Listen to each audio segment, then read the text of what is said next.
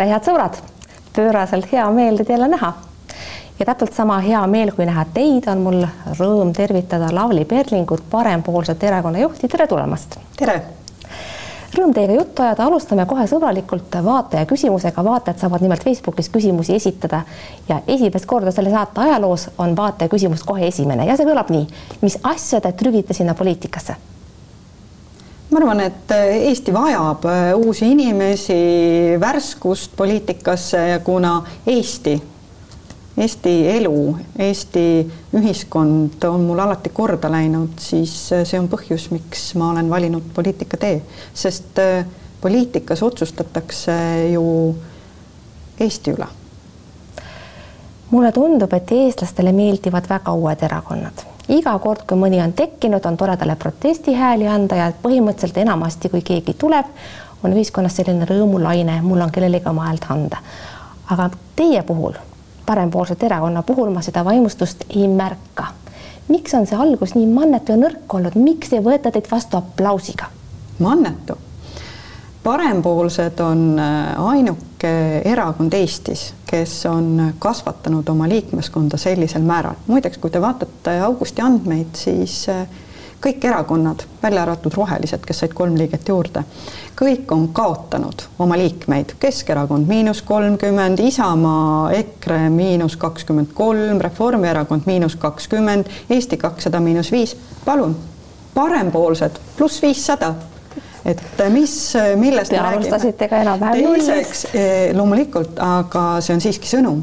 teiseks, parempoolsed ei ole tulnud selleks, et kõigile meeldida parempoolsed on tulnud maailmavaatelise erakonnana selleks, et pakkuda just nimelt neid lahendusi Eestile edasi, mis on olnud Eesti edu alus no mis maailmavaatest me tänapäeval veel üldse räägime? esiteks, tegemist on poliitiliselt pilastatud terminiga, nagu me paar valitsust tagasi nägime.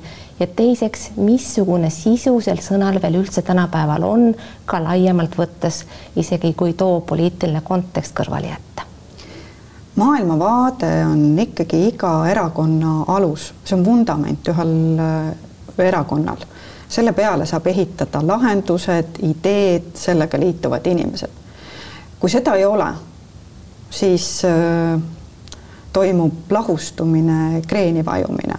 et me võime ju unistada sellest, et tulevad kokku inimesed, kellele kõigile läheb üks piirkond või Eesti elu korda, siis tekivad valimisliidud ja me mõtleme, et see viib kuhugi Narva näide kahjuks on hea näide, lagunes nii koalitsioon kui kipub lagunema äh, ka valimisliit Katri Raigil ja me võime jätkata, teate, lihtsad lahendused on populistidel.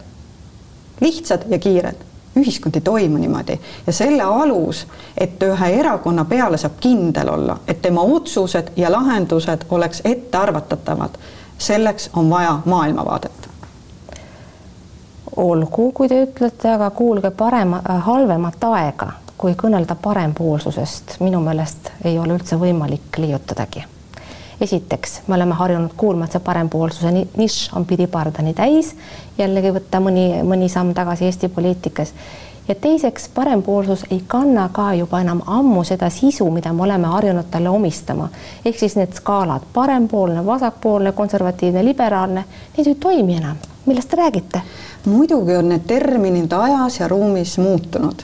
kui me räägime ikkagi parempoolsusest, millest me räägime? Me räägime inimese kesksest poliitikast, me räägime otsustest, mis lähtuvad inimestest, inimeste vabadusest, inimeste suutlikkusest iseendaga hakkama saada, me räägime sellest, et me usume endiselt sellesse, et just nimelt töö ja pingutus on need, millega väärikalt ära elada. Mitte toetused, mitte laenud. parempoolsed lahendused on endiselt needsamad, et rasketel aegadel tuleb kokku hoida et äh, rasketel aegadel ei, ei, ei võeta laenu, mis jääb tulevastele põlvedele maksta, et rasketel laenudel ei, rasketel aegadel ei maksta toetusi. ei maksta toetusi. no kuulge, veel olulisem. kas te muidu... tahate siis jätta kõik inimesed, kes praegu ootavad käsi pikal riigi poole sirutatud, et riik aitaks neil elektriarveid maksta, gaasiarveid maksta, kas teie tahate nemad siis kõik sellest ilma jätta?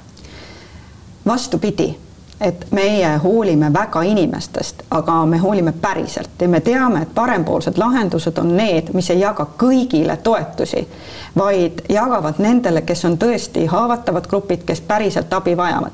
teine küsimus on kriisisituatsioonis inimestele appitulek, kui on see olukord, kus me täna oleme energiahindadega, loomulikult tuleb tulla ajutiselt, konkreetselt inimestele appi, see on selge, aga küsimus on hoopis suurem, küsimus on selles, et mis on need pikemad äh, lahendused Eesti jaoks no see on jutuks niimoodi hea küll öelda, aga mis selle praeguse elektrituru reformi juures siis valesti oleks selle universaalteenusega?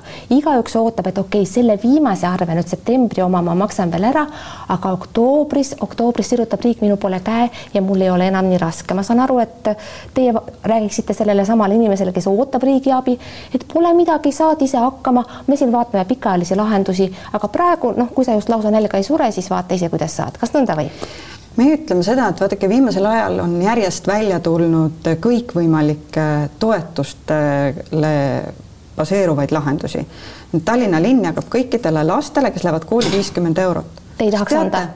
ma tahan öelda, et annaks selle viiskümmend eurot mitte kõikidele lastele, vaid annaks nendele lastele, kellel võib-olla ei ole kodus süüa, kellel ei ole peakatet, kes ei saa osta iga aasta endale, mitte iga aasta, ei saa ka osta endale kunagi võib-olla uut ranitsat aga jätame nendele selle viiskümmend eurot andmata, kelle, kelle sissetulekud vanematel ei eelda seda. no te räägite, nagu Ansip kunagi rääkis, et ei ole vaja lennukilt külvata neid toetusi, aga teate, see on vana jutt, tänapäeval külvab igaüks toetusi just nimelt lennukilt see ongi selline Tulete laiem poliitika häda, et peavooluerakonnad ja see ei ole ainult Eesti probleem, on läinud üha populistlikumateks, sellepärast et on olnud kriisid, kriisid, kriisid, mis on, mis on erakondasid saatnud ja on võetud seisukoht, et peab kõigile meeldima parempoolsed ei proovi kõigile meeldida, parempoolsed pakuvad päris lahendusi. Te ütlete praegu umbes niimoodi, et meil on valijate häältest suva, aga te ikka tahate ju parlamenti Muidugi pääseda. Meie... ei taha meeldida, te peate meeldima, kust te me pääsete? oma valijatele meeldida ja me näeme, et Eestis on see valijaskond olemas ja need on need valijad, kes hoolivad Eestist kes hoolivad sellest, et mitte toetused kõigile, vaid tegelikult kriisi ajal see, mida me ootame, on kärpekava kuidas, kuidas nagu kokku hoida riigi kulutusi, kus on need sellised andmetel põhinevad lahendused, mis nagu aitaks vältida riigis asendustegevusi, dubleerivaid tegevusi, need on lahendused. keda tahate kärpida, lähme kohe konkreetseks. kelle palga kallale tahate minna? Võtame kõigepealt protsessi lahti, kui te vaatate, kui palju kasvõi näiteks ettevõtjad peavad esitama mitmesse ametiasutusse statistikat, kuidas need, kes toetusi tõesti nagu ma ei tea, väärivad, peavad jooksma erinevate ametiasutuste vahel, et, et kogu aeg midagi paberite peal tõestada sellega tuleb tegeleda ja sealt tuleb äh, kokkuhoid nii aja mõttes, kulu mõttes ja vot sealt hakkab riik võitma ja tarkadest lahendustest. ja seda juttu olen ma kuulnud jälle ühe teise partei liidrite suust, nimelt Eesti kahesaja omade jutust on see mulle meelde jäänud. täpselt niimoodi räägivad nagu teie. et miks siis ei võiks te hoopis Kristina Kallasega leivad ühte kappi panna? praegu varsti on olukord selline, et sööte ainult üksteise hääli, lõpuks või ma ei, võib-olla ei pääse kumbki Riigikokku meie ei ole küll tabanud sellelt, et me sama juttu räägiks. see oli täitsa, see oli täitsa Eesti kahesaja jutt. see on teie arvamus. meie näeme oma liikmeskonnaga ja oma inimestega väga selgelt seda vajadust Eesti jaoks, et meil on Eestis parlamendis vaja jõudu, mis oleks tänasest Reformierakonnast parema. miks? sellepärast, et et tänases situatsioonis, kui ka Reformierakond teeb väga hea tulemuse, siis oht saada vasakvalitsus väga suur. sellepärast on vaja seda tugevat parempoolset jõudu. kui te vaatate Eesti kahesaja väljaütlemisi, siis esiteks on ühes Eesti kahesajas palju Eesti kahtesadat, sellepärast et üks jutt on see, mida räägib Kristina Kallas, kuskilt kostub midagi, mida räägib Tsahkna, kes täpselt on Eesti kakssada, no suur küsimus. Need äh, mõnedki seisukohad, mis sealt kostuvad. aga teie olete ühtsed? Need mõnedki, me oleme ühtsed ja muideks, kui te tulete, vaatate meie atmosfääri, meie õhustikku, neid inimesi, teadlasi, õpetajaid, kes on meiega liitunud Need on inimesed, kes toovad selle muutuse poliitikasse, mida Eesti inimesed ootavad. inimesteni kohe jõuame, aga mina vaatasin tõepoolest seda teie programmi, mis teil seal üleval on, see ei ole küll veel ülearu konkreetne, aga sealt paistab välja kunagine Reformierakond, ma nimetasin juba Ansipit, eks ole, aga tegelikult äh, teie mõtted on sarnasemad rohkem Siim Kallase aegadele. see on kompliment. võite võtta komplimendina ja päris palju tuttavat ette tuleb mul ikkagi ka sellesama Eesti kahesaja arsenalist ehk siis see pikaajaliste lahenduste teema, haridus ja muud säärased majanduslikud teemad. et mulle nagu tundub, et te olete kokku pannud mingisuguse kompoti teiste erakondade mõtetest ja need siis süstematiseerinud ja seda te nimetate parempoolsuseks on ju nii? tunnetega ma ei saa tegeleda, ma saan tegeleda faktidega, see, et meie maailmavaade on sarnane kunagise Reformierakonna maailmavaatega vastab tõele. kui te ka lugesite Siim Kallase intervjuud, see oli sümpaatne. ta räägib äh, eelarve kärpevajadustest, ta räägib eelarve tasakaalust, ta räägib seda, et inflatsiooni ei ole võimalik peatada sellega, et paneme raha juurde ühiskonda, sest siis lähevad käärid äh, veel suuremaks ja me tegelikult lükkame inimesi veel suuremasse vaesusesse. no aga äkki leiate enda sorava ja lähete hoopis Reformierakonda, proovite seda üle võtta, nagu proovisite võtta Isamaad. siin nüüd ongi ongi justkui see iva, et me räägime kunagisest Reformierakonnast, aga tänane Reformierakond on kaldunud vasakule, kaldunud vasakule oma lahendustega ja see on see, miks on vaja parempoolseid Reformierakonnast paremale, et Eesti saaks endale taas parempoolse valitsuse, et need parempoolsed lahendused viiks Eesti majanduse kasvule. kui majandusel tekib kasv, siis kõikide inimeste heaolu siin riigis paraneb teate, see, see, seda, seda jälle jutustan mina küll aru ja ma saan aru ka, mida te mõtlete parempoolsuse all. aga ma kahtlustan, et valijaid, võimalikke valijaid, kes saavad aru, millest te räägite, on väga vähe. Neil on ikkagi meeles see parempoolsust on meil liiga palju, tõelisi vasakpoolseid pole meil üldse ja te peate kogu aeg selgitama, mida te selle parempoolsuse all mõtlete. mul on tunne, et inimene, kes teile nõu andis, paneme nimeks parempoolsed ei olnud teie sõber, te peate, ta tegi teile selle karuteene, et te kogu aeg peate selgitama, mida see teie parempoolsus tähendab. Ja sellega te vis, panete kogu aeg endale sellise veskikivi jala külge. oleksite võtnud mõne teise nime, oleksite pääsenud vähem selgitust. ei ole kunagi veskikivi jala küljes, meile meeldib oma valijatega rääkida. Ja ma arvan, et me räägimegi oma valijatega sama juttu muideks ka igas inforuumis sama juttu. Ja meile meeldib ka mõnikord väga lihtsalt rääkida inimestega ehk näiteks sellest, millest väga hästi inimesed aru saavad, mida ütles meiega ühinenud ülikooli professor Aarne Merilai, et tema jaoks on parempoolsus hea näide Eesti talust kus seemnevilja ei söödud ära raske talve ajal. ehk tegelikult see, kuidas nagu elati, oli see, et tehti tööd, pingutati, haridust väärtustati, nähti vaeva ja kui oli raske talv tulemas, siis hoiti kokku. et, et ja, ja, ja sellest saavad inimesed väga hästi aru. nii arvas, et te räägite just Aarne Merilaist, kes on minu õppejõud ja kunagine ja kellest mul on väga head mälestused, aga nüüd ma vaatan, te olete sundinud teda tegema Facebooki konto, mida tal enne ei olnud, kirjutama sinna, et ta on parempoolsete liige ja no tulge nüüd, tulgu taevas appi, kes lõpuks, mis te arvate, et Aarne Merilai toob teile need hääled, mis teil puudu on või arvan, kes valib kirjandusteadlast? kui te ta on tore inimene, aga. Merilaiu õpilane olnud, siis te kindlasti teate, et ta on äh, vaba, julge, selge väljaütlemisega mees, kellele keegi ei ütle ette, mida ta tegema peab. no ei saa temast poliitikut. aga fakt on see, et meie ridades on ettevõtjaid, haritlasi, teadlasi, õpetajaid, kes on tulnud selleks, et teha poliitikat. ja keda keegi ei tea ja keda Eesti, keegi ei tea Eesti poliitika vajab talenti, Eesti poliitika vajab uusi inimesi, Eesti poliitika vajab noori, muideks meie noored valivad homme uue juhi ja juhatuse. meil on väga aktiivne, elujõuline noorteorganisatsioon. me ehitame erakonda Eesti tuleviku jaoks. hääli toovad tuntud nimed. kas teil on mõni välja pakkuda või välja öelda, kelle kohta me veel ei tea, et ta parempoolsetega liitub? Vaadake parempoolset äh, erinevaid infoväljasid ja te leiate sealt juba tuttavaid inimesi. väga vähe. tugevaid inimesi. üsna vähe, peale teie teate eriti kedasi. poliitaasta alles on ju algamas ja, ja, ja küllap te leiate sealt ka juba avalikkusele laiemalt äh, tuttavaid inimesi.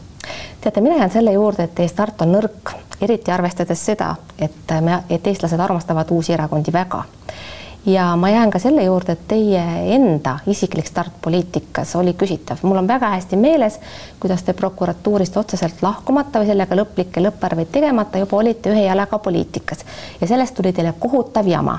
ja selle põhjus oli tegelikult selles, et te tahtsite saada seda prokuröri pensioni, mida te minu meelest olete vägagi väärt ja oleksite võinud natukene rahulikult oodata, selle pensioni välja võtta ja siseneda poliitikasse natukene hiljem. milleks teil kogu seda jama vaja oli? mina tuletan teile seda seda jälle, jälle meelde, küllap tuletab mõni teine ajakirjanik ka järgmine kord, kui ta teiega intervjuud teeb, milleks? küllap tänasel päeval teavad kõik ja näevad seda, et tegemist oli ühe lihtsa sisepoliitilise trikiga, ei muud ja oot, triki tegi, siis teie tegite poliitikas triki? mina ei teinud toona mingeid poliitilisi sisepoliitilisi eh, trikke. millele te vihjate? aga küll ma ütlen seda, et eh, ma ei kanna kaasas eh, neid mineviku teemasid, sest ma tean, miks ma tulin poliitikasse, ma tean, et mu südametunnistus on puhas. vaadake ükskõik, see oli minu otsus, vaadake ükskõik kui sügavale selle sisse. Süvenege sellesse ja te näete, et seal ei ole olnud äh, mitte midagi, mida mulle ette heita minul on ikka väga kahju sellest pensionist, mis läks vett vedama, sest oleks, oleksite seda kindlasti väärt olnud, aga jumal sellega, ise teate paremini. miks te ikkagi tahtsite, ma mõtlen mitte ainult teie, vaid parempoolsed üldse võtta üle Isamaa erakonda, et kas ei olnud natukene sellist EKRE eeskuju, et EKRE eelkäija võttis üle Rahvaliidu, sai endale kõvasti liikmeid ja, ja noh, te tahtsite siis põhimõtteliselt Isamaa liikmed endale saada, et teha sellest endale sobiv partei, natukene ebaaus võte, kas pole?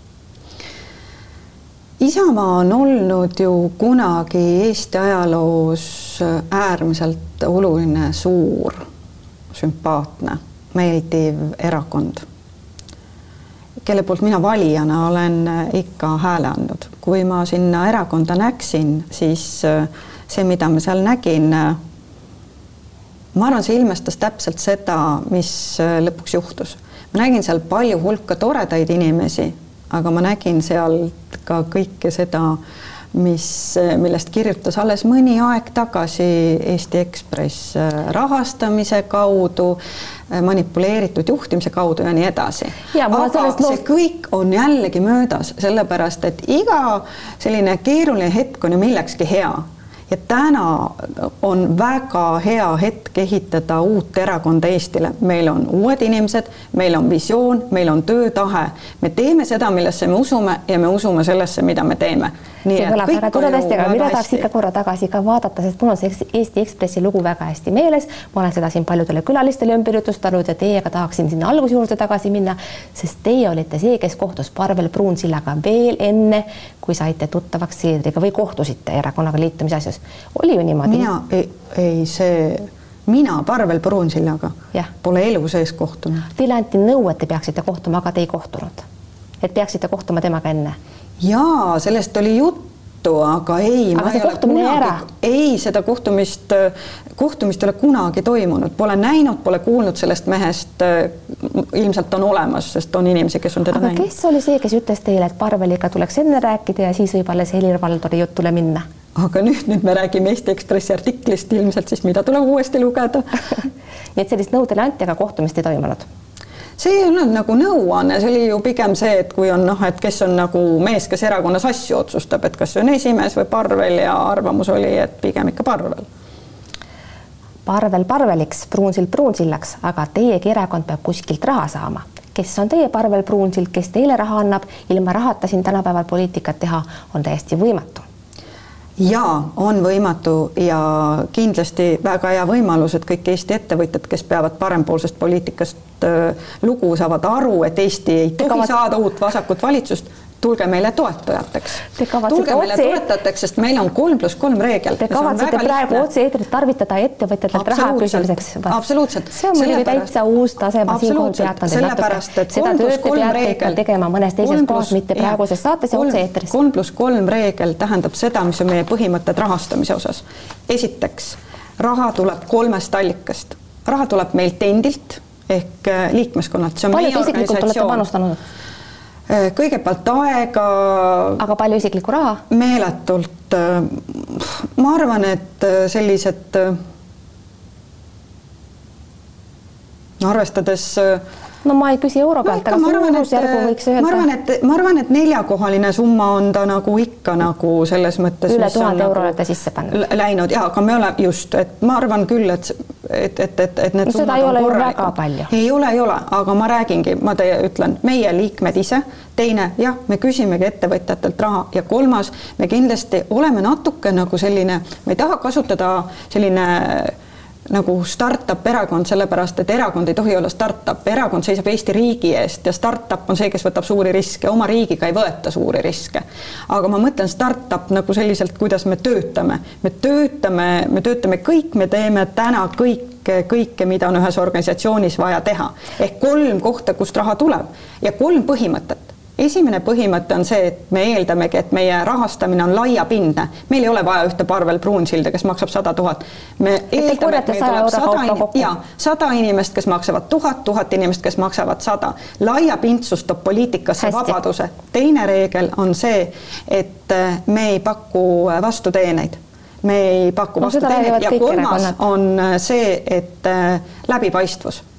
ehk läbipaistvus on see, et me ütleme, et oma nime, oma näoga võiks olla nagu heas mõttes au ja uhkuse asi oma kodanikukohust täita ja anda Hästi. see, Hästi. raha. meil on aeg piiratud, ma tahaksin teiega arutada ka mõningaid päevakajalisi küsimusi ja saada konkreetseid vastuseid.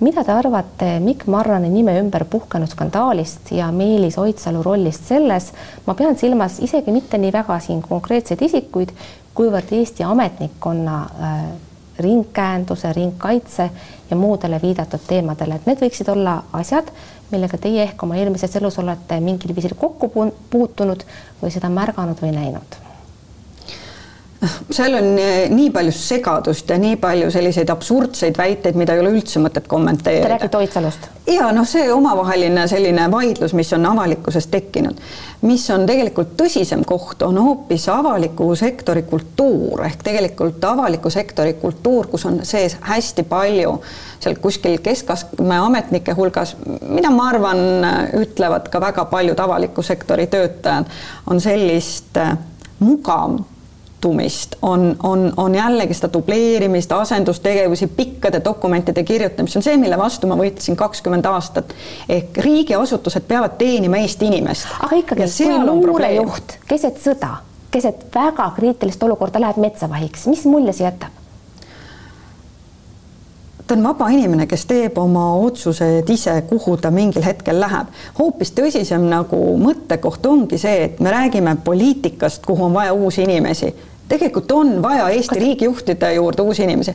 kui me kogu aeg kallame üle küll poliitikasse tulevaid inimesi sopaga, küll avaliku sektori juhte sopaga, siis äh, inimesed ei tule või sinna tulevad need, kes ei hooli. õigesti aru, et te põhimõtteliselt ütlete, et Oidsalu kallas Marani sopaga üle, kas ma sain õigesti aru? ei, ma arvan, et Oidsalu avaldas omakorda arvamust ja ta on ka täna ju öelnud, et võib-olla mõni asi läks reljeefseks kätte. see oli tema arvamus, nad väljendasid oma arvamust, kumbki oma poolt, las ta olla. et minu meelest ei ole ülejäänutel sellega okay. mõtet tegeleda. okei okay,, ma ei taha sinna sügavamalt minna. ja teine, mida ma tahan öelda, et see ringkäenduse jutt ja kõik see on selline see on selline jutuks hea küll, ütleme see, et ma olen mõlemat näinud, ma olen näinud äh, seda, kuidas poliitikud äh, keeravad äh, parasjagu suppe kokku personaliotsustes. Ja olen näinud seda, kuidas äh, võib-olla jah, tõesti avaliku sektori juhtidega on ka küsitavusi, et et, et, et aga, aga see on süsteemi muutmise küsimus, see, et avalik sektor tuleks nagu ette võtta ja vaadata sellele otsa kuidas saaks paremini, see on selge. okei okay., tahaks veel ühte konkreetset asja küsida. Harju maakohus määras karistuse Eesti ühtedele parimatele ajakirjanikele Sulev Veedlerile ja Tarmo Vahterile. Te teate kindlasti, mis otsusest ma räägin, see on seotud siis Swedbanki rahapesu kahtlustustega ja ajakirjandusliku materjaliga, milles oli absoluutselt kõik faktid õiged. aga nüüd siis teie järglane Andres Parmas on korranud nagu katkine plaat, nad rikkusid seadust, nad rikkusid seadust ja kõik need andmed, mis enne menetlust on, enne kohtueelset menetlust on siis saadavad, nende kasutamist peaks ajakirjandus prokuratuuriga kooskõlastama. kas peaks teie hinnangul ja kas rikkusid seadust? ma olen välja öelnud oma arvamuse nende infokildude pinnalt, mida ma lehest olen lugenud, et ei hea. oleks pidanud. kui te mõtlete, siis äh, ma olin see prokurör, ükskõik kus ma töötasin, kas Ida-Virumaas Põhja prokuratuuri juhina või riigi peaprokurörina, kes iga päev väärtustas seda, et prokuratuur oleks selles mõttes avatud organisatsioon, et oleks organisatsioon, ta oleks riigi, mis räägib oma inimestega, sest seal tekib inimeste usaldus organisatsiooni vastu. Ja ka seal oli alati ju see reegel, mida prokuratuur ei tohi teha, mitte kunagi ei tohi valetada, alati tuleb rääkida tõtt teine, sa ei tohi kunagi kahjustada ausat äh, kohtupidamist ja kolmas, sa ei tohi kunagi tõendeid viia kohtus, äh, meediasse, tõendite koht on kohtusaalis, aga rääkima peab oma inimestega aga ja organisatsioon peab olema avatud. teatavaks, kas siis ajakirjanikud on neid tarvitades seadust rikkunud või ei ole? Mina väidan, et ei ole selle info põhjal, mida ma olen äh, näinud. hästi, sellest piisab. veel mõned konkreetsed küsimused. ma saan aru, et elektribörsilt teie kohe minema ei kiirustaks, et põhimõtteliselt võiks elektribörsi hind tõusta nelja tuhandeni ja viie tuhandeni ja kõik inimesed peaksid selle kinni maksma ja nii võiks jäädagi. siin oli kaks äh, väidet sees, millele korraga ei saa vastata, kas ma kiirustaks börsilt äraminekuga, ei. kas selles mõttes äh, on vaja inimestele sellises täiesti turu mõttes anomaalia olukorras appi minna, jah, on. palju teil endal elektriarve on, viimane? no ikka korralik no, täpselt samasugune, täpselt samasugune nagu väga paljudel äh, teistel inimestel. Mis ja gaasiküte äh, kipub ka talvearvutuse korraselt kohaselt minema nagu ikka mitmekordseks. hästi, konkreetset summat ei tulnud, aga tühja sellest. see riigilaenu teema, ma saan aru, teie mingit laenu ei võtaks ja põhimõtteliselt jääksite selle Reformierakonna vana mantra juurde, et riigilaen, see on saatanast. Ei, laen ei ole meie jaoks tabu, laenu tuleb võtta, kui on laenu vaja võtta ja laenu kasutada väga otstarbekalt, äh, mitte tarbimiseks. ehk äh, ega siis sama reegel kehtib, kehtib ju ka riigiasutuse puhul, kui on nagu väga head tingimused kõrgetes inflatsiooni oludes võtta laenu, panna see selles mõttes investeeringutena olulisse kohta, et, et riik selleks võidab, seda tuleb kaaluda, aga laenu võtta tarbimiseks ei ole mõistlik ja jätta see tulevastele. kas õpetajate palkadesse tohiks laenu võtta selle jaoks? eile oli esimene september, ma rääkisin väga paljude õpetajatega, õpetajad ütlevad, et äh, palk on ainult üks, üks osa kogu probleemist, mis on seotud haridusega. õpetajad on väsinud bürokraatiast, see, mida nad tegema peavad. see kõik on õige, aga kas riigilaenuga võiks rahastada õpetajate palkasid, see oli küsimus ei palkasid ei peaks rahastama laenuga. kuidas peaks õpetajate palgad tõusma, kas peaks tõusma, kui palju peaks tõusma konkreetselt? ei, ma ei vasta teile konkreetsele küsimusele, kui palju peab palk tõstma, sellepärast palk tõusma, sellepärast et äh, haridussüsteemi vaatab kompleksselt, tuleb vaadata, et kõigepealt tuleb vaadata, et haridusel on ainult üks eesmärk anda head haridust lastele. see tähendab, et õpetajad, kes klassi ees seisavad, peavad olema kvaliteetsed. ebakvaliteetsetele õpetajatele ei taha ma öelda, et jaa, maksame kõrget palka. asju tuleb lahendada süsteemselt, mitte öelda lihtsalt välja kaks tuhat, kaks pool tuhat, kolm tuhat eurot, aga siis äh, need probleemid, mis on päriselt probleemid, õppekavad okay., koolisüsteem, need jätame nagu kõrvale. nii ei lahendata probleeme. hästi, Lauli Perlik, ma tahaksin küsida veel päris palju üksikküsimusi, aga ma loodan, et me saame seda teha siis, kui me kohtume järgmisel korral kõige viimane küsimus, väga tõenäoliselt ei saa Riigikokku, mis te siis edasi teete? parempoolseid on vaja Riigikokku, Reformierakonnast paremale, et Eesti saaks vasakpoolset valitsust. aga kui ei saa, mis siis? me töötame selle nimel, et parempoolsed on järgmises Riigikogus. aga kui ei ole, mis siis? ikka töötame Auli Verig, ma tänan teid selle kohtumise eest, head sõbrad, aitäh, et vaatasite. järgmine saade on juba järgmisel nädalal, vaadake siis ka, olge vahepeal terved, elage hästi, kuulmiseni ja nägemiseni